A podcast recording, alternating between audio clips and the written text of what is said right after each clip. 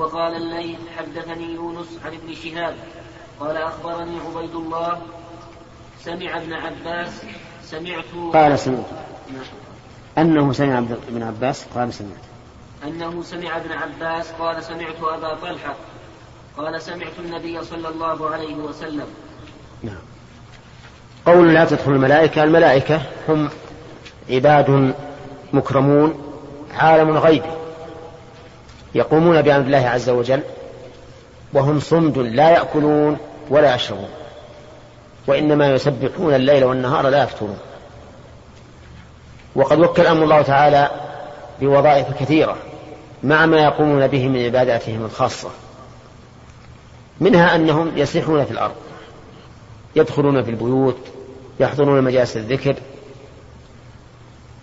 فهؤلاء الذين وكلوا بمثل هذه الأمور لا يدخلون البيت الذي فيه التي فيه البيوت التي فيها كلب أو تصاوير يعني أو صورة. والمراد بذلك الكلب الذي لا يجوز اقتناؤه. لأن ما يجوز اقتناؤه لا يمكن أن يكون فيه الوعيد.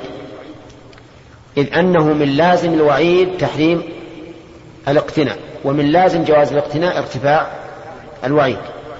وعلى هذا فيحمل على الكلب الذي لا يجوز اقتناء كذلك بالنسبة للصورة يحمل على الصورة التي لا يجوز اقتناؤها. أما ما يجوز اقتناؤه كالصور التي تمتهن على رأي جمهور أهل العلم الذين قالوا بالجواز وكالصور التي يضطر الإنسان إليها كالجواز والرخص السيارة والصور التي في الدراهم فالظاهر أن الملائكة لا تمتنع من دخول البيت. لأن هذه الصور أمر لا يمكن الإنسان لا يمكن الإنسان الانفكاك عنها. ولو ألزم الناس بإخراجها عن بيوتهم لكان في ذلك حرج حرج شديد. ولا يمكن أن يقوم أمر الناس بها. وعليه فيحمل التصاوير أيضا على ما يحرم اقتناؤه.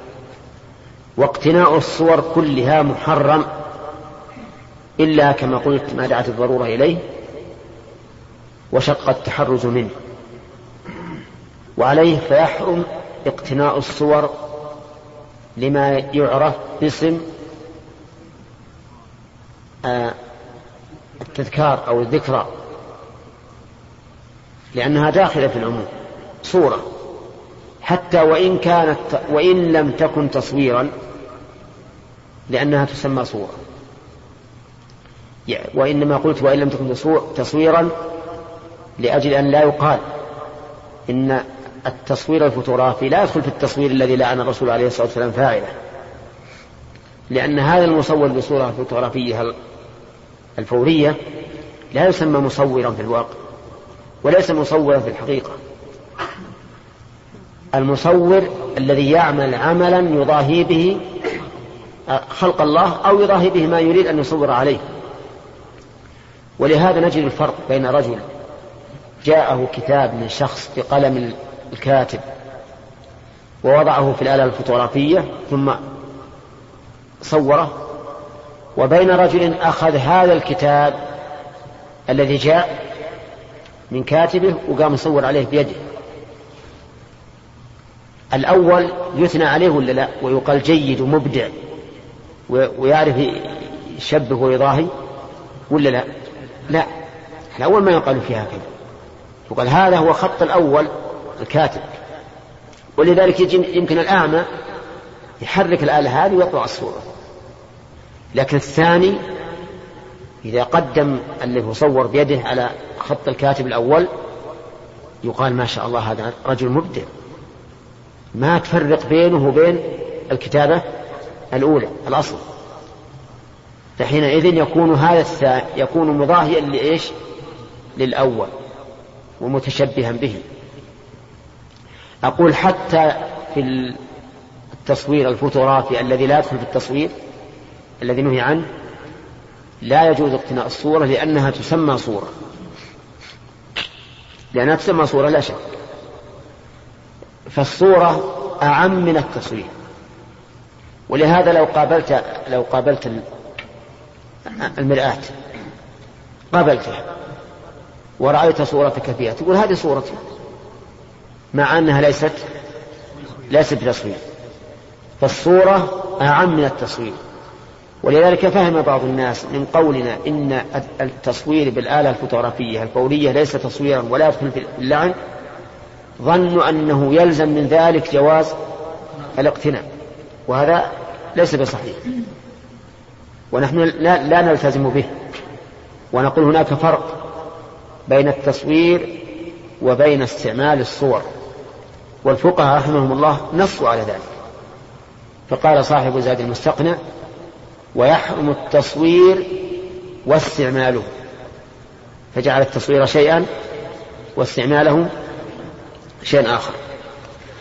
طيب إذن الصورة التي يحرم اقتناؤها سواء كانت فوتوغرافية أو غير فوتوغرافية هذه لا تدخل الملائكة بيتا فيه هذه الصورة و إلا ما فيه الضر إلا ما اضطر إلا ما اضطر الإنسان إليه. وأقبح من ذلك أن تكون هذه الصورة صورة رجل كافر معلقة. مبروزة منمقة فإن في هذا محذوران عظيمان فإن في هذا محذورين عظيمين. المحظور الأول الصورة والثاني تعظيم من يحاد الله ورسوله. فتجد بعض الناس عنده صورة الرئيس الفلاني أو اللاعب الفلاني أو ما أشبه ذلك من الكفرة الملحدين المعروفين بحقدهم على الإسلام ومضادتهم له. حتى وإن لم يعرفوا بالحقد والمضادة ما داموا كفارا فهم آدى للمسلمين والإسلام. فيزداد هذا الأمر قبحا إلى قبحه. وفي هذا دليل في الحديث دليل على أن العقوبة قد تكون بفوات المحبوب كما تكون بحصول المكروه قول وجهه؟ عدم دخول الملائكة البيت. فإن هذا فوات محبوب. ونظيرها أن من اقتنى كلبا إلا, إلا, كلب إلا كلبا يجوز اقتناؤه ينتقص من أجله كل يوم قيراط أو قيراطان هذا فوات محبوب. نعم.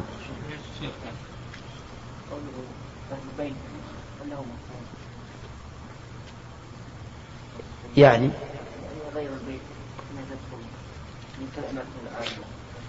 لا ظهر هذا على سبيل المثال أو أو الأغلب. وإلا لو اصطحب الإنسان مثلا الصورة في إخواته ولو كان في السوق أو كانت في الأماكن العامة. نعم. نعم.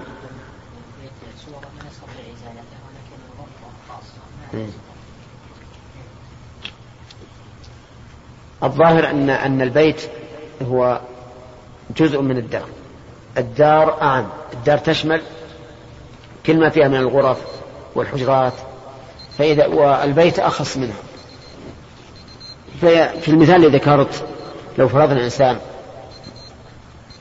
قد سكن في البيت معه أناس عندهم هذه الصور ولا يستطيع أن يزيلها. أما إن استطاع أن يزيلها يجب أن يزيلها. لكن إذا لم يستطع وغرفته الخاصة ليس فيها شيء فالظاهر إن شاء الله أنه يسلم من هذا. نعم.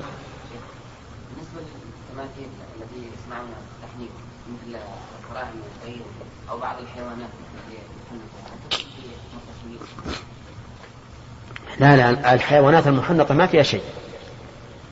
لأن الحيوانات المحنطة من خلق الله عز وجل. أما إذا كانت من صنع الآدمي فهي حرام لا شك. ما يجوز. نعم. باب عذاب المصورين يوم, يوم القيامة. حدثنا الحميدي قال حدثنا سفيان قال حدثنا الأعمش عن مسلم قال كنا مع مسروق في في دار يسار بن نمير. فرأى في صفته تماثيل. فقال سمعت عبد الله قال سمعت النبي صلى الله عليه وسلم إن أشد الناس عذابا عند الله يوم القيامة المصورون حدثنا إبراهيم بن المنذر قال حدثنا أنس بن عياض عن عبيد الله عن نافع أن عبد الله بن عمر رضي الله عنهما أخبره أن رسول الله صلى الله عليه وسلم قال إن الذين يصنعون هذه الصور يعذبون يوم, يوم القيامة يقال لهم أحيوا ما خلقتم. نعم هذه عذاب المصورين يوم القيامة. بين فيه الرسول عليه الصلاة والسلام نوعين. النوع الأول شدة العذاب. وقال إن أشد الناس عذابا يوم القيامة المصورون. والثاني أن نوع العذاب وأنهم يعذبون فيقال أحيوا ما خلقتم فيؤمرون بما لا يستطيعون. وهذا يدل على استمرار عذابهم والعياذ بالله. يعذبون على هذه الصور. وفي هذا الحديث إشكال وهو أن ظاهره أن عذاب المصورين أشد من عذاب المشركين. وأجاب عنه العلماء بعدة أجوبة منها أن الكلام على تقدير من أي إن من أشد الناس عذابا.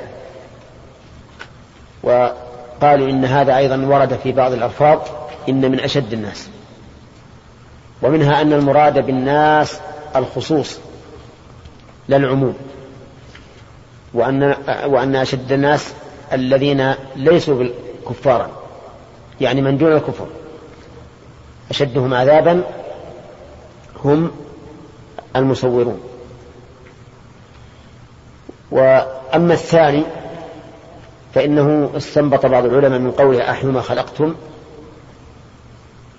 أن المراد بالصور المحرمة ما فيه روح. كالإنسان والحيوان. وأما ما لا روح فيه فليس فيه فليس فيه تحريم. والحقيقة أن هذا أن المقام هنا على أربعة أوجه. الوجه الأول ما فيه ما فيه روح. والثاني ما فيه حياة بلا روح.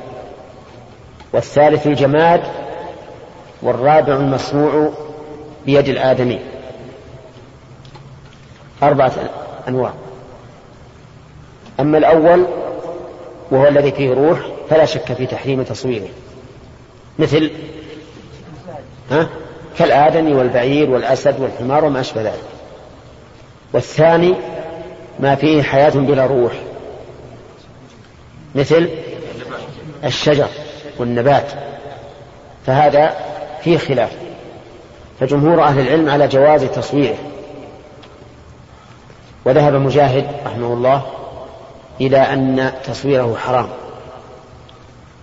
لأنه ينمو ولأن ولأن الله تعالى قال فليخلقوا حبة أو أو ذرة أو شعيرة. وهذا يدل على تحريم تصوير هذا الشيء. الثالث ما كان جمادا وهو من خلق الله. مثل الجبال والأنهار والشمس والقمر والنجوم فهذه جائزة ولا إشكال في جوازه الرابع ما كان من صنع الآدمي مثل السيارة. السيارة والطيارة والمركب وما أشبه ذلك هذا أيضا لا شك في جوازه. فلو صور الإنسان صور طيارة بيده سواء كان تمثالا أو بالتلوين فلا بأس به طيب عندنا الوصية والفضيلة المحمود الإجازة هذه للهرج ولا لإجازة المؤذن يا ياسر؟ الكلام الإجازة يعني قطع الدرس لإجابة المؤذن ولا للكلام والانشغال؟ لكن فاتكم خير كثير. والورقة يمضي عليها ها؟ ولا أحسن. ما تشغل غيركم شوف الفتح معك الفتح نعم. كيف؟ الثاني عن نافع. عن عبيد الله عن نافع. لا ما عندنا ها؟ لا غلط. النافع ها؟ الناس الناس على بين مقامهم مصورون ثلاثمية النسخة واحدة. ها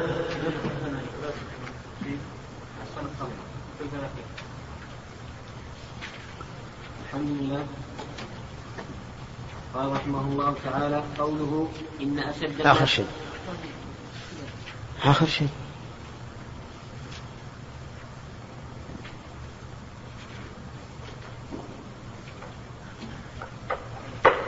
إيه هذا. الحجر ضعيف.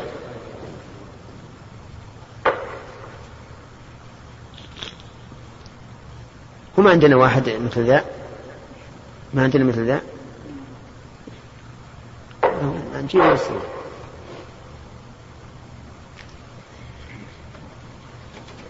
قوله إن أشد الناس عذابا عند الله المصورون. وقع في رواية الحميدي في مسنده عن سفيان يوم القيامة. بدل بدل قوله عند الله وكذا هو في مسند ابن أبي عمر عن سفيان. وأخرجه الإسماعيلي من طريقه فلعل الحميدي حدث به على الوجهين. بدليل ما وقع في الترجمة. في بدليل ما وقع في الترجمة. أو أو لما حدث به البخاري حدث به لما. أو لما حدث. أو لما حدث به البخاري. حدث به بلفظ عند الله. والترجمة مطابقة لللفظ الذي في حديث ابن عمر. ثاني ثاني حديثي الباب. والمراد بقوله عند الله حكم الله. ووقع عند مسلم من طريق أبي معاوية عن الأعمش أن من أشد الناس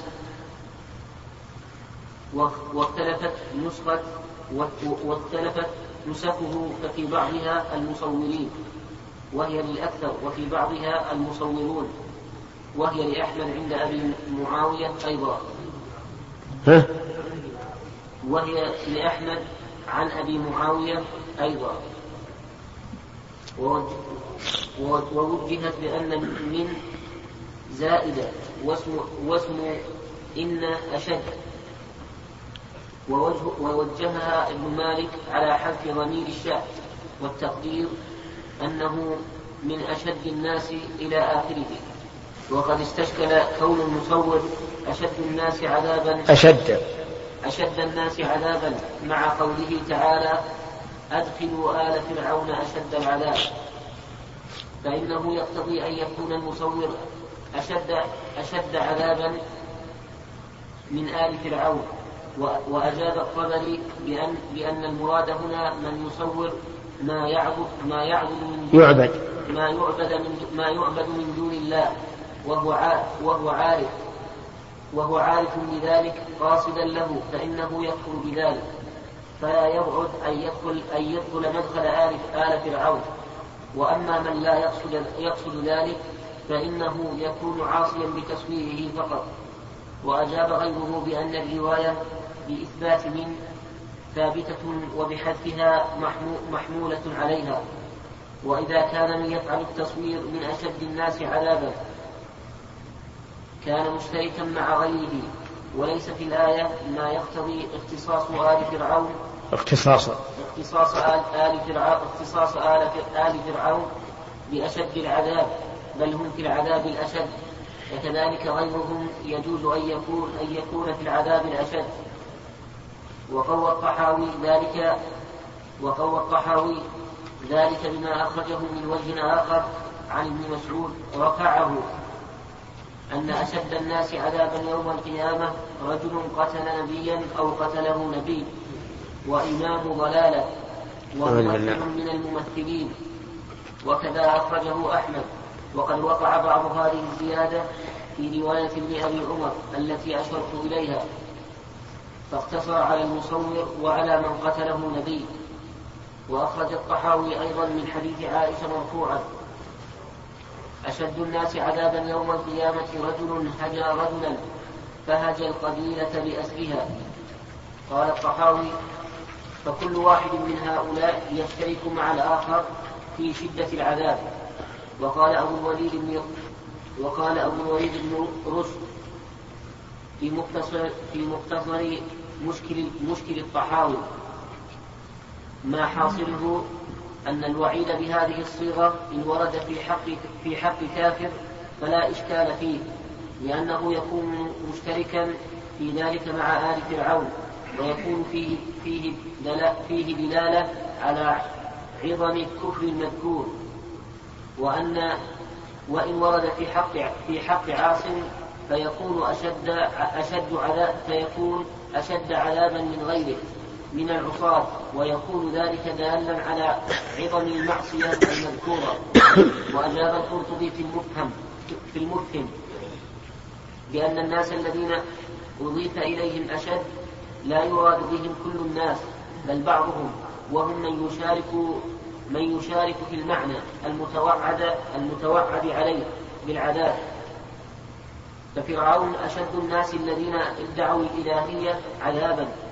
ومن يقتدي به في ضلالة كفره أشد عذابا ممن يقتدي به في ضلالة فسقه. ومن صور صورة ذات روح للعبادة أشد عذابا ممن يصورها لا للعبادة. واستشكل واستشكل ظاهر الحديث واستشكل ظاهر الحديث أيضا بإبليس استشكل. واستشكل ظاهر الحديث أيضا بإبليس وبابن آدم الذي سن القتل. وأجيب بأنه في إبليس واضح ويجاب بأن المراد بالناس من من ينسب إلى آدم. وأما في ابن آدم فأجيب بأن الثابت في حقه أن عليه مثل أوزار من يقتل من من يقتل يقتل. من يقتل ظلما. من يقتل ظلما. ولا يمتنع أن يشاركه أن يشاركه في مثل تعذيبه من ابتدأ الزنا مثلا. فإن عليه مثل أوزار من يزني بعده لأنه أول من سن ذلك ولعل عدد الزناة أكثر من القاتلين. قال النووي قال العلماء تصوير صورة الحيوان حرام شديد التحريم وهو من الكبائر لأنه متوعد عليه بهذا الوعيد الشديد وسواء صنعه لما لما يمتهن أو لغيره فصنعه حرام بكل حال. وسواء كان انتبه لهذه النقطة مفيدة سواء صنعه لما يمتهن أو لغيره. والذي يمتهن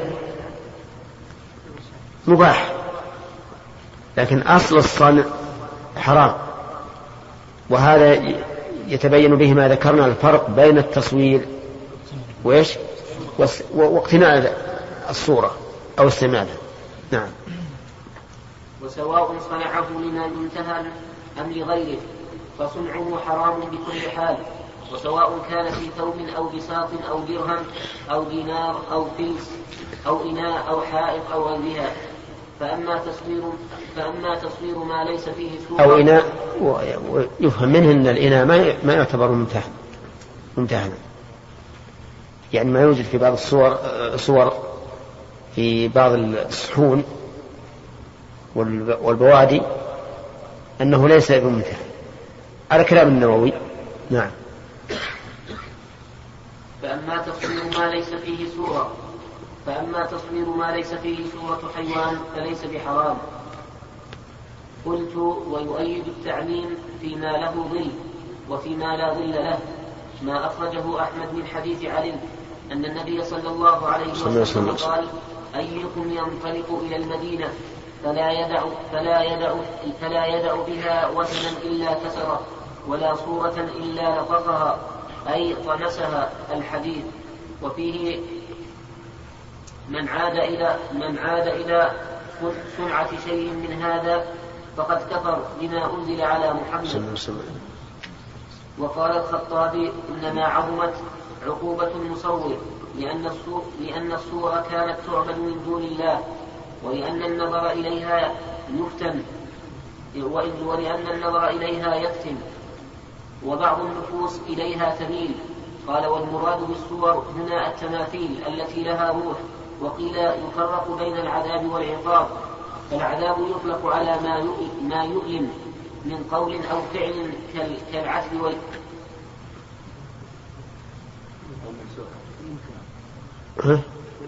كالعتب والإنكار. والعقاب يختص بالفعل فلا يلزم من كون المصور. أشد الناس عذابا أن يكون أشد الناس عقوبة. هكذا ذكره الشريف المرتضى في الغرف وتعقب بالآية. وتعقب بالآية المشار إليها وعليها وعليها وعليها وعليها انبنى الإشكال. ولم يكن هو عرج عليها. فلهذا ارتضى التفريق فلهذا ارتضى التفرقة والله أعلم. واستدل به أبو علي الفارسي في التذكرة على تكفير المشبهة. فحمل الحديث عليهم فحمل الحديث عليهم وأنهم المراد المراد بقوله المصور المصورون أي الذين يعتقدون أن الله أن لله صورة حول ولا قوة. وتعقب وتعقب بالحديث الذي بعده. في الباب بلفظ إن, إن الذين يصنعون هذه الصور يعذبون. وبحديث عائشة الآتي بعد بابين بلفظ إن أصحاب هذه الصور يعذبون وغير, وغير ذلك. ولو ولو سلم ولو سلم له ولو سلم له استدلاله لم يرد عليه الإشكال المقدم المقدم ذكره. وخص وخص بعضهم الوعيد الشديد بمن بمن صور قاصدا أن يضاهي. فإنه يصير بذلك القصد القصد كافرا. القصد. بذلك القصد. فإنه يصير بذلك القصد كافرا. وسيأتي في باب ما ما وطئ من التصاوير. بلفظ أشد الناس عذابا الذين يضاهون بخلق الله بخلق الله تعالى. وأما من عدا فيحرم عليه ويأثم. لكن اسمه دون اسم دون اسم المضاهي قلت وأشد, وأشد منه من يصور ما يعبد من دون الله كما تقدم. وذكر القرطبي أن أهل الجاهلية كانوا يعملون الأصنام من كل شيء حتى أن بعضهم حتى أن بعضهم عمل صنعه عمل صنمه من من من عجوة ثم جاع فأكله. الحديث الحديث الثاني قوله جاهلية المهم الآن عندنا عدة أقوال في هذا في هذا الحديث. أولا أن الحديث على تقدير من أي من أشد الناس عذابا وليس أشدهم ولا مانع من أن يشارك آل فرعون في الأشدية ولكن تختلف. وإن كان وإن كان مشاركين في الأشدية. الوجه الثاني أن يكون الحديث عاما يراد به الخاص. وهذا أحسن ما يحمل عليه ويقال إن أشد الناس الذين يصنعون الأشياء عذابا هم المصورون. الذين يش... لأن الإنسان قد يصنع الشيء لمعصية كأن يصنعها مثلا لتكون دعاية لمنكر. فهذا لا شك أنه آثم. لكن الذين يصورون يصنعون صورا على خلق الله هؤلاء أشد الناس. مثل لو صنع أبوابا مزخرفة جميلة جيدة لتكون دعاية إلى حضور الناس إليها للميسر والقمار. يقول هذا لا شك أنه آثم لكن اللي يصنع صورة أشد أشد عذابا منه. وهذا لا يبقى فيه إشكال إطلاقا.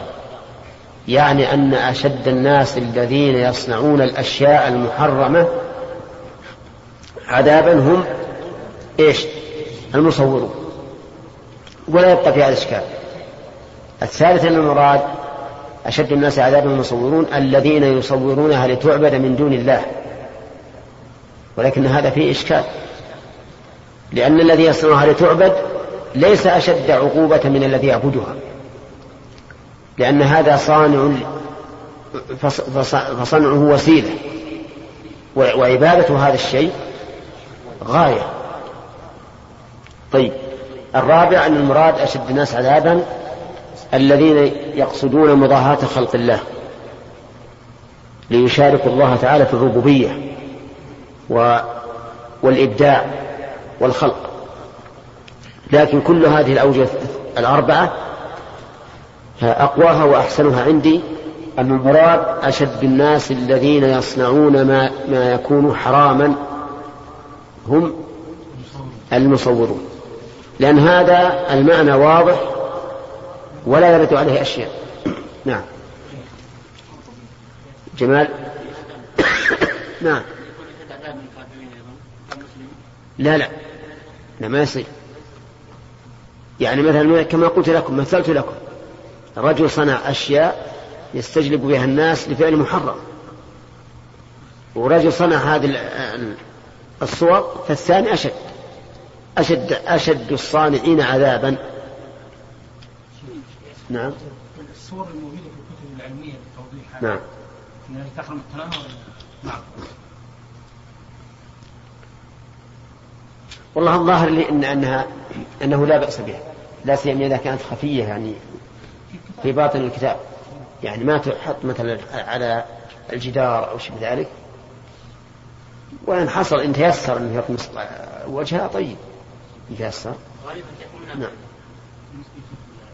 التحميل الانسان في حال السفر إيه. يضع يضع له عينين. يجعل كأنه حي. إيه. ليس هذا يكون لا. هذا خلق الله لكن أنا يعني كان احييت منظر لا ما إيه. خلق الله. مل- ملدت جناحي عينين إيه. والعينين بسيطة. العين الواحدة لو- أن الإنسان جاب له عدسة وحطها خرزة حطها حطها عين ما فيها شيء. نعم. ثلاثة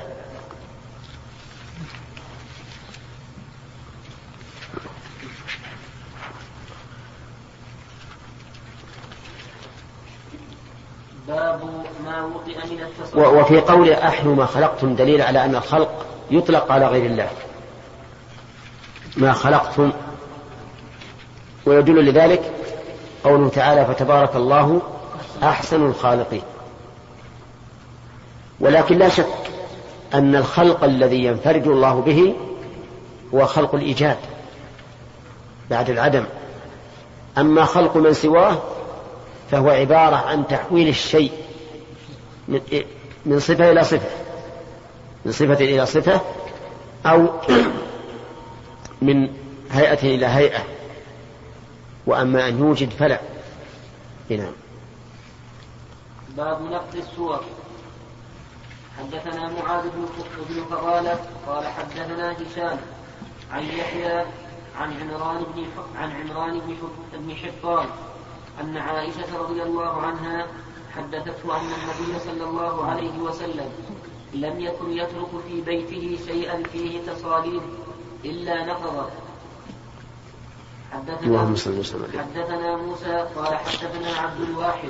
التصاليب صور الصلبان نقضه يعني أزاله. ونقض كل شيء بحسبه. فإذا كان الصلبان صورة للتلوين فنقضه أن يطمس. وإذا كان تمثالا فنقضه أن يكسر فنقض كل شيء بحسبه. وفي هذا دليل على البعد أو على وجوب البعد أي بعد المسلم عن شعار الكفار عن شعار الكفار. وأنه لا يجوز للمسلم أن يجعل عنده شيئا يكون شعارا للكفار ولكن الشعار نوعان. شعار ديني وشعار دولي. الشعار الديني لا شك في تحريمه. والشعار الدولي محل تردد ونظر. فمثلا يقال إن النجمة السداسية شعار لليهود. لكن هل هو شعار ديني ولا دولي؟ يعني هل هو شعار الدولة باعتبارها دولة أو شعار الدولة باعتبارها يهودية تدين باليهودية. ها؟ الظاهر الأول. وعلى هذا ففي تحريمه نظر أو في وجوب نقضه نظر.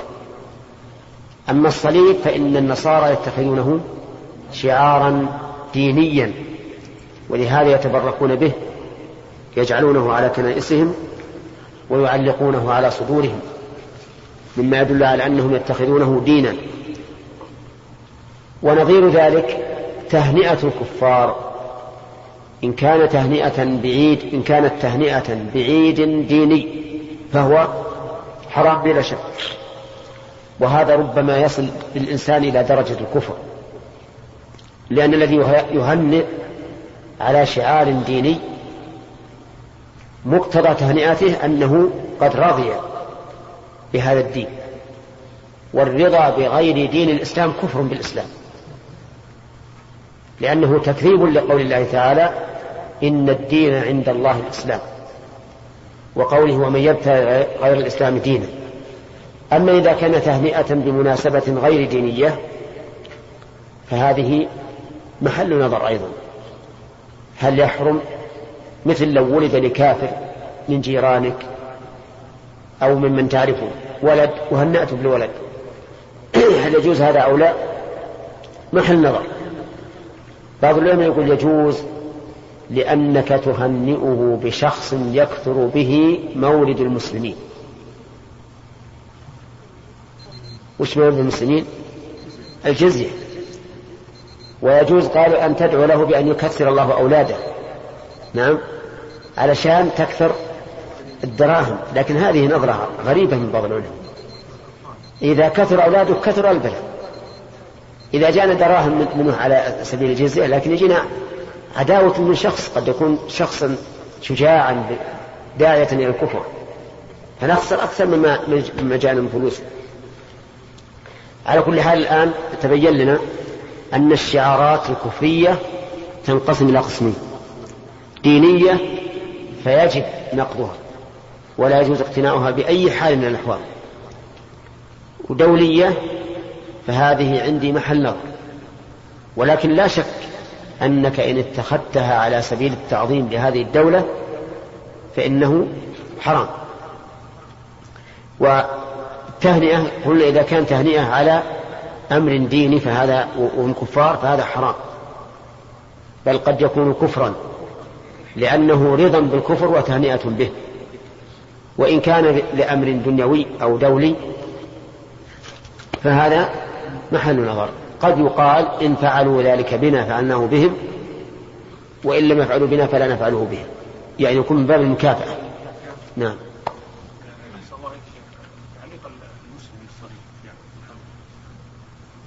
حرام هذا لا شك إنه حرام. ابدا ولا يتاول يتاول إيش؟ ما يجوز ابدا. نعم.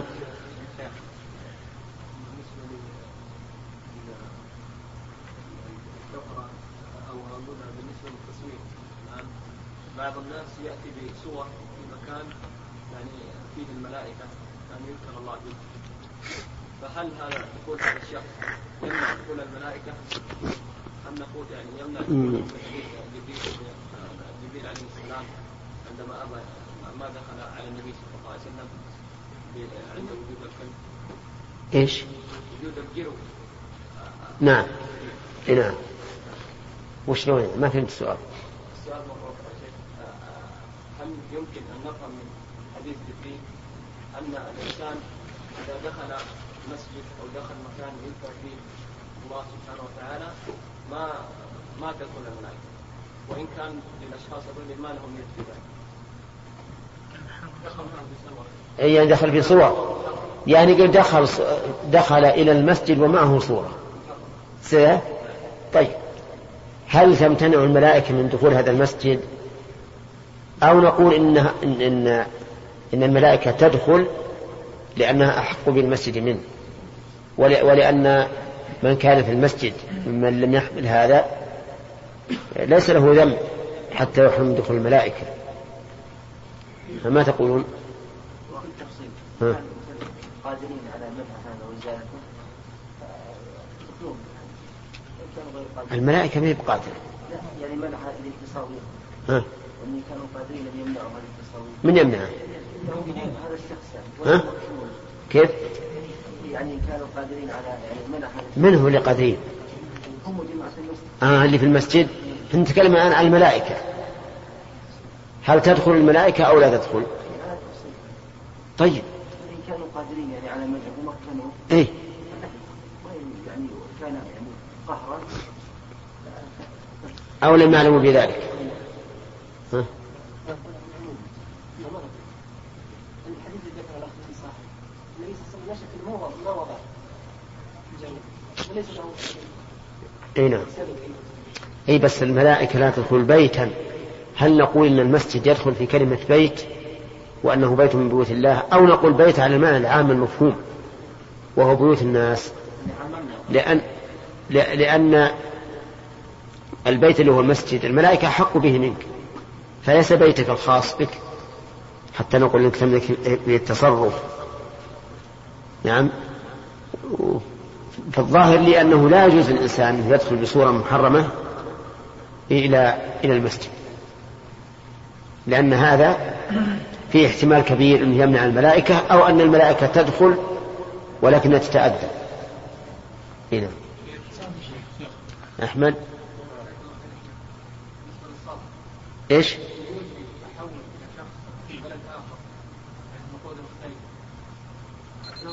انتهينا من الصرف يا أحمد. انصرفنا عن الصرف.